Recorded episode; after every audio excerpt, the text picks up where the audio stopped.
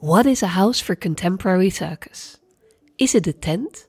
Or an actual building? Or maybe a converted church turned into an art center? Or something different altogether? Tent House for Contemporary Circus has created a category of their own. For the past 13 years, they've built and contributed to the development of the Dutch circus landscape. With the Fast Forward program, they had the opportunity to spread their wings internationally and collaborate with the renowned home for contemporary circus in the UK, Jackson's Lane in London. My name is Maaike Muis. I'm a moderator, host, and podcast maker, and in three episodes, I take you on a journey through the one and a half year fast forward trajectory of Tent and their international ambitions and collaborations. Over the course of one year, I made recordings of the collaborations, the R&D, research and development, and the showcase in Jackson's Lane in London. And several recordings along the process at Tent in Amsterdam North. This first episode is called Job Shadowing. Job shadowing is a concept that's quite common in the UK. It means that, in this case, Tent observes the work of the team of Jackson's Lane on several visits. They can sit in on various meetings and really experience every part of the work Jackson's Lane does, from the different perspectives marketing, artistically, social engagement, business, community building, etc. What can Tent learn from running an actual venue for contemporary circus, especially in relation to their international ambitions and dreams? The, the chance to, for us, the three of us, to think outside the box, to not just have funding or opportunities for our makers, but that we, the three of us, could have plans about our dreams, and then being able to to do that is, is a gift. But first, what and who is Tent? I'm talking to Hanneke Meijers and Jahid Metin, two of the founders and directors of Tent in their offices in Amsterdam North. Hanneke is wearing a light pink tent hoodie with I'm running with circus on it, and Jahid is, as usual, dressed in a black t shirt and black jeans. You can see and feel by everything that they've been working together for a very long time. Tent is a house. Uh, tent is a place where circus can develop and grow, uh, where we can nurture ideas and inspiration until it develops into something that is both appealing and amazing to audiences all around the world. Hanneke. Top that. no, I think for me it's also being really innovating, innovative in the circus field. So tent is a place where you can create innovative circus. But you say it's a house. What's a house? A house is a place where you can feel at home. So where you can be yourself, where you can uh, feel safe, and where you can be supported by other housemates. And for you? This is a bit a joke, of course, tent that says we're the house of circus and we don't have a real house. Nor a tent. Nor a tent. So it's it's a bit of a joke, but actually it's what Jade said. It's it's the place you can, can call home.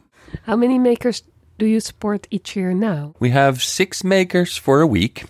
We have one maker for a year, and then we have a maker for two years, which in this case consists of three people. So, well, depends on how you count. Then we have the house maker or the maker for four years. Next to that, we have um, uh, the open stage twice a year, which contains usually five acts, and we have a festival.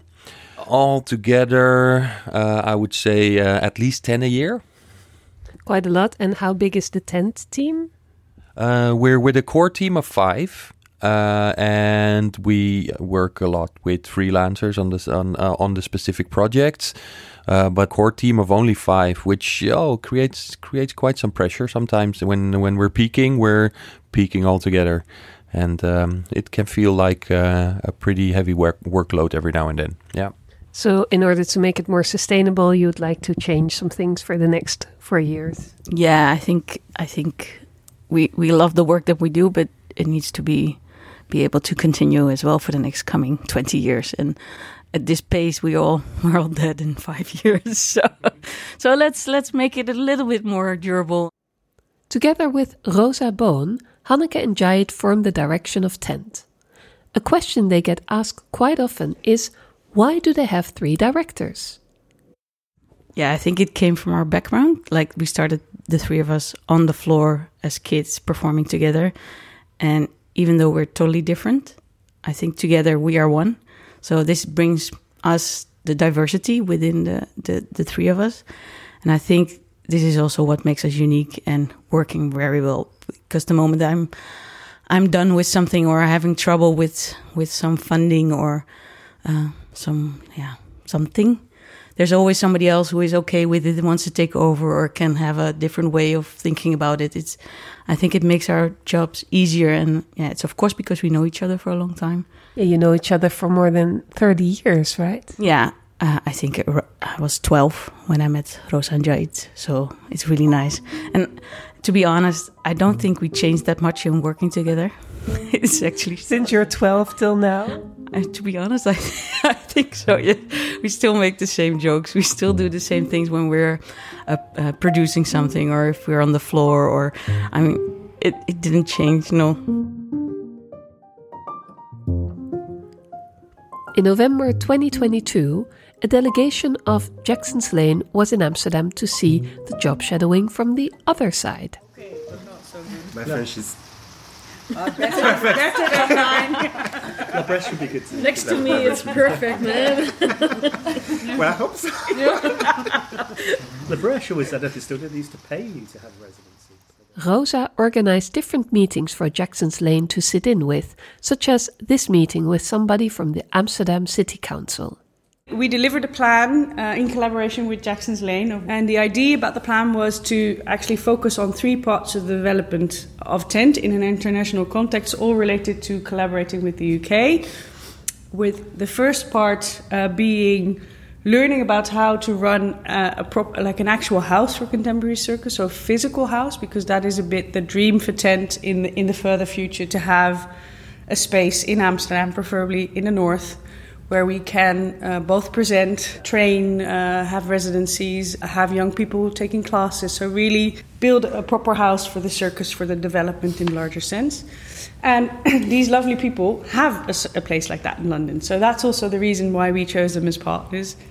And we were there with our whole troop of people to really do what we call the job sharing experience. So, to really learn from one, one another into how do you function in which context also because you guys are similar to us in, in a in a city in a context of a city where you deal with being in a borough working uh, having social projects around you but also programming circus uh, producing it and how does it work and, and what effects does it have?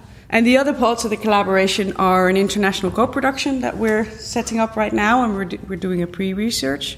And the third part is a showcase. So we're going to showcase work of Dutch uh, young circus artists in the UK next year, October. So we have like a little festival in the weekend in which we invite a lot of English programmers to come and see the work with the idea to tour the work in a later stage in the UK for them. In the threemanship, Rosa is the driving force behind the networking and collaboration and shaping of the fast forward trajectory. During this period, she also became a mom and she was on maternity leave, so you'll hear her voice only in the first episode. You'll hear more about the co producing and Dutch showcase in London and networking in episode 2 and 3. Let me introduce you to Jackson's Lane first with artistic director Adrian Berry. Um, this is, and all of this is through to uh, I'll show you downstairs. Yeah. It's, it's so confusing. It is confusing. But it used to be a church. Oh, the whole thing used to be a church. And Sorry, then in 1975. Jackson's Lane is located in the northeast of London. If you leave the Highgate tube station, you walk up the hill and across a very busy road, you see a quite big old church in early Gothic style. After meeting Adrian, or Ade as everyone calls him, in the cafe of Jackson's Lane, he takes me through the building, which is a labyrinth of stairs and studios.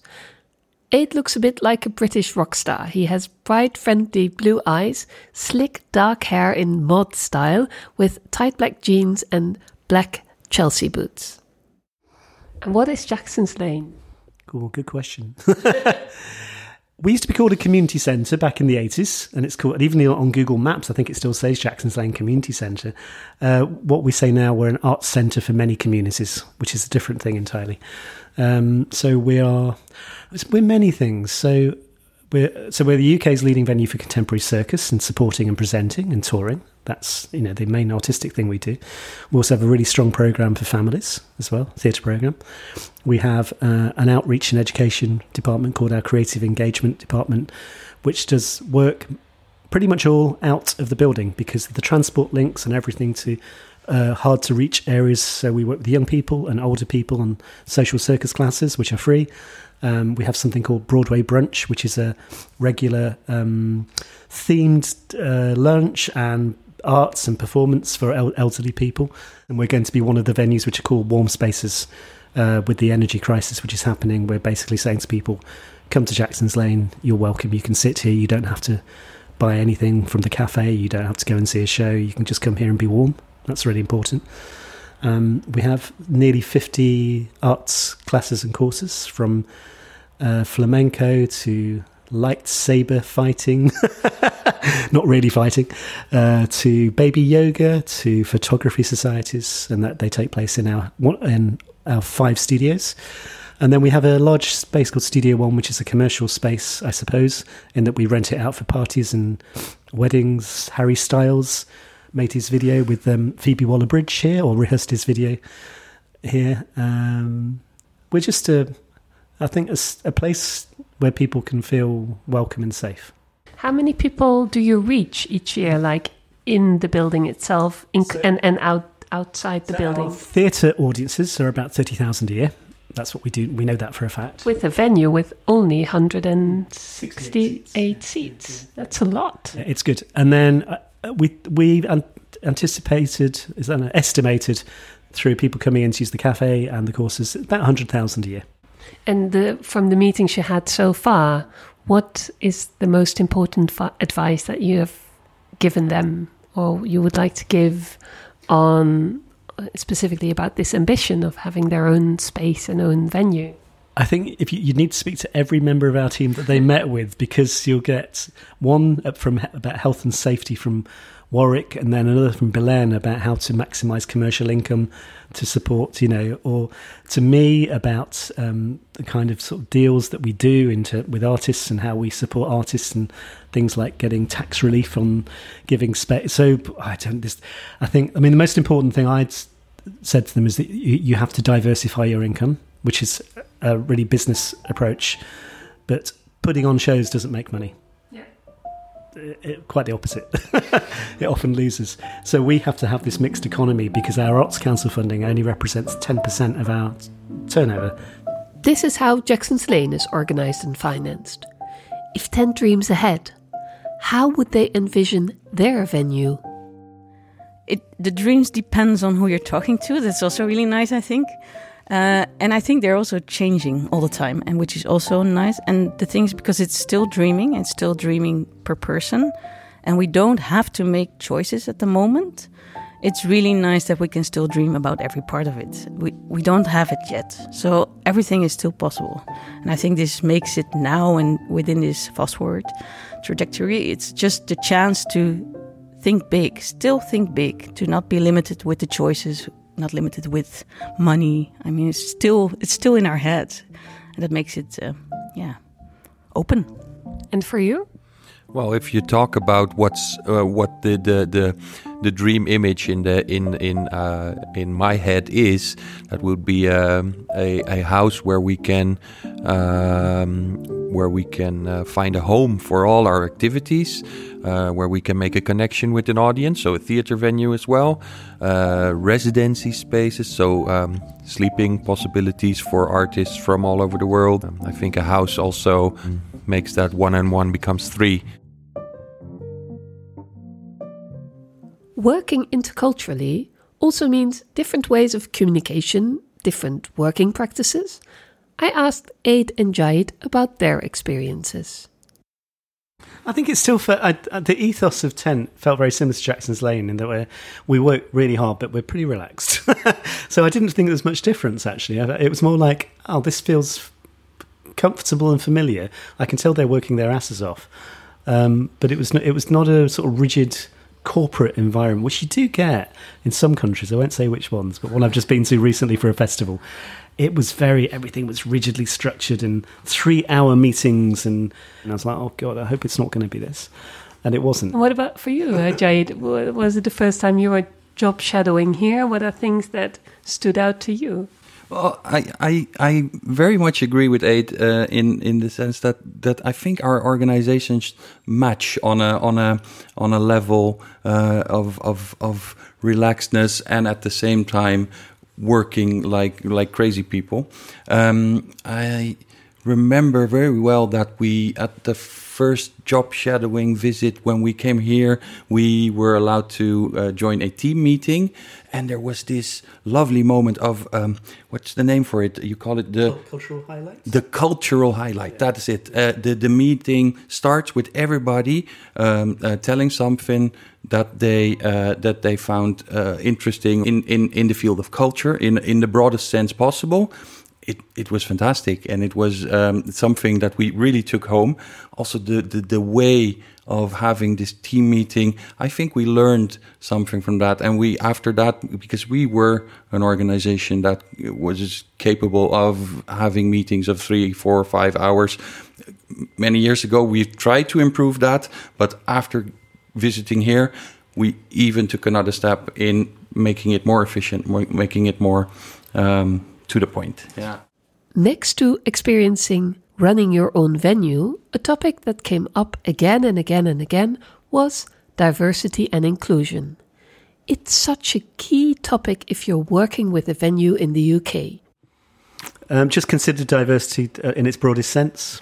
Yeah, it- that- that- I I really do. I, I used to be quite narrow-minded, thinking it's all about skin color, and we've learnt more and more. It's it's actually it's actually not not at all. And we apply that to our recruitment. We apply that to our board. We you know, it's not it's not just about the work. It's about your your broader approach, education, training, workshops, everything. So it's not just about what's what's being performed. Even though diversity and inclusion is much more than about what's being performed and who is performing, however, representation on stage is also a part of the diversity and inclusion policy of Jackson's Lane, especially in their borough, which is a very culturally diverse neighborhood. We're doing a circus production for Christmas. It's three Billy Goats Gruff. but we made a commitment cast of four that 50% would be um, artists of colour. As in, so if there were two artists of consideration that are both equally good acrobats, we would consider the person of colour because we know a lot of our audiences, they like to see themselves represented on stage, quite rightly. Um, but sometimes for international work, um, it's it's difficult. We we're not going to turn the work down because it's not diverse enough. But similarly, I don't know about the diversity of the people in the Dutch Circus Showcase. I don't know their sexuality. I don't know their gender, how they identify, if they have disabilities. So uh, you know, a lot of a lot of di- it's socioeconomics. A lot of diversity is, is invisible. So it's not for me to say, oh, it's not very diverse. It's not. It's not our position to make assumptions of, of, of who artists are. And Jade, you just said that you um, got a different view on diversity and inclusion through job shadowing and collaborating with Jackson's Lane.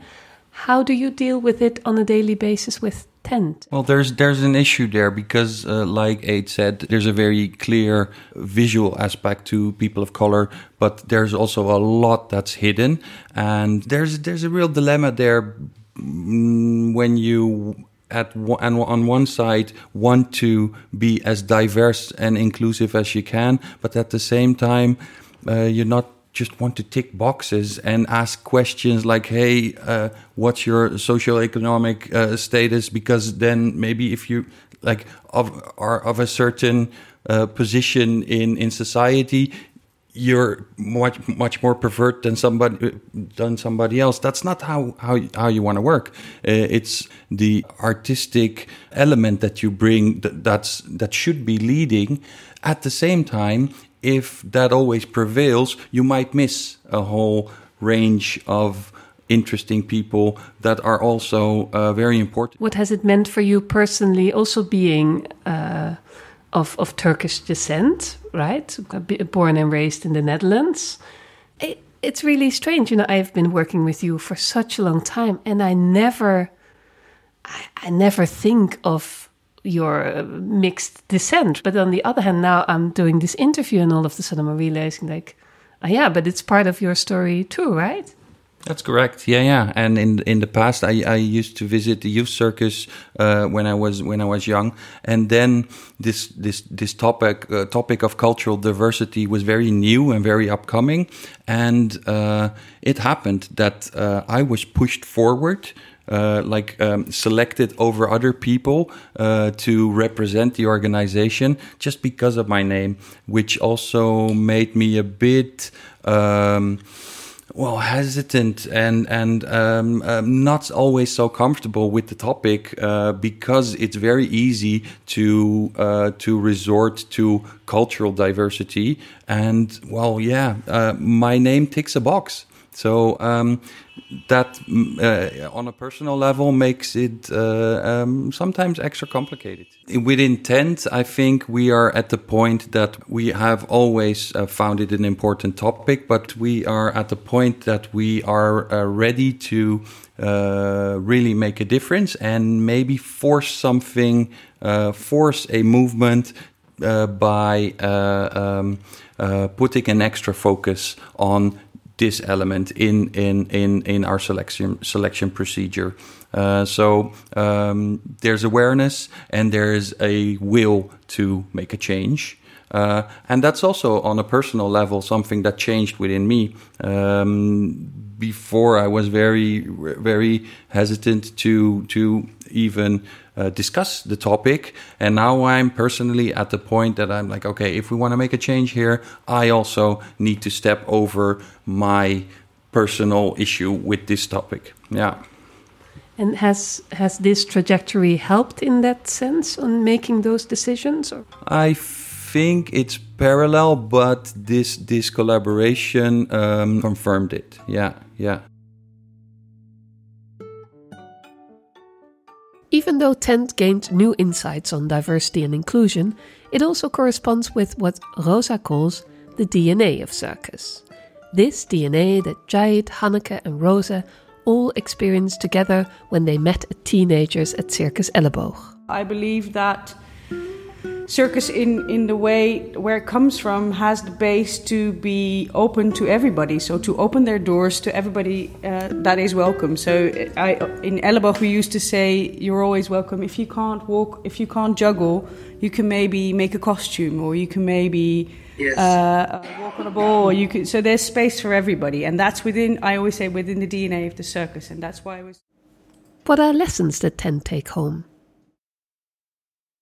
I think that a very important lesson is that you have to find a balance between community activity and artistic activity in a house uh, as as as Jackson's Lane is. Um, when you're there, uh, you see people walking in and out and in and out. There's all kinds of classes and groups um, uh, making use of the, the the studios.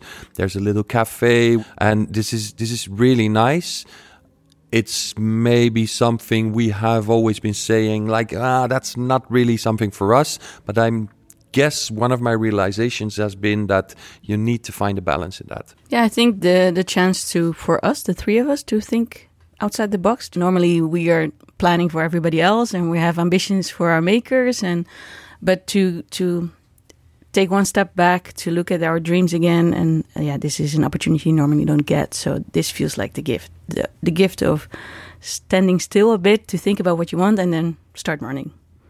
Even though it's on top of the normal workload you already have. Well, let's not talk about that. it's fun. This was the first episode of the Fast Forward Adventure of Tent. In the next episode, we dive into what it's like to start an international co production. These series were commissioned by Performing Arts Fund Netherlands. Concept, production, editing, mixing, and mastering by Maaike Muis. Indispensable editorial advice, Ruud Verraes. Many thanks to Jacksons Lane, Tent, and Performing Art Funds Netherlands. Thanks very much for listening.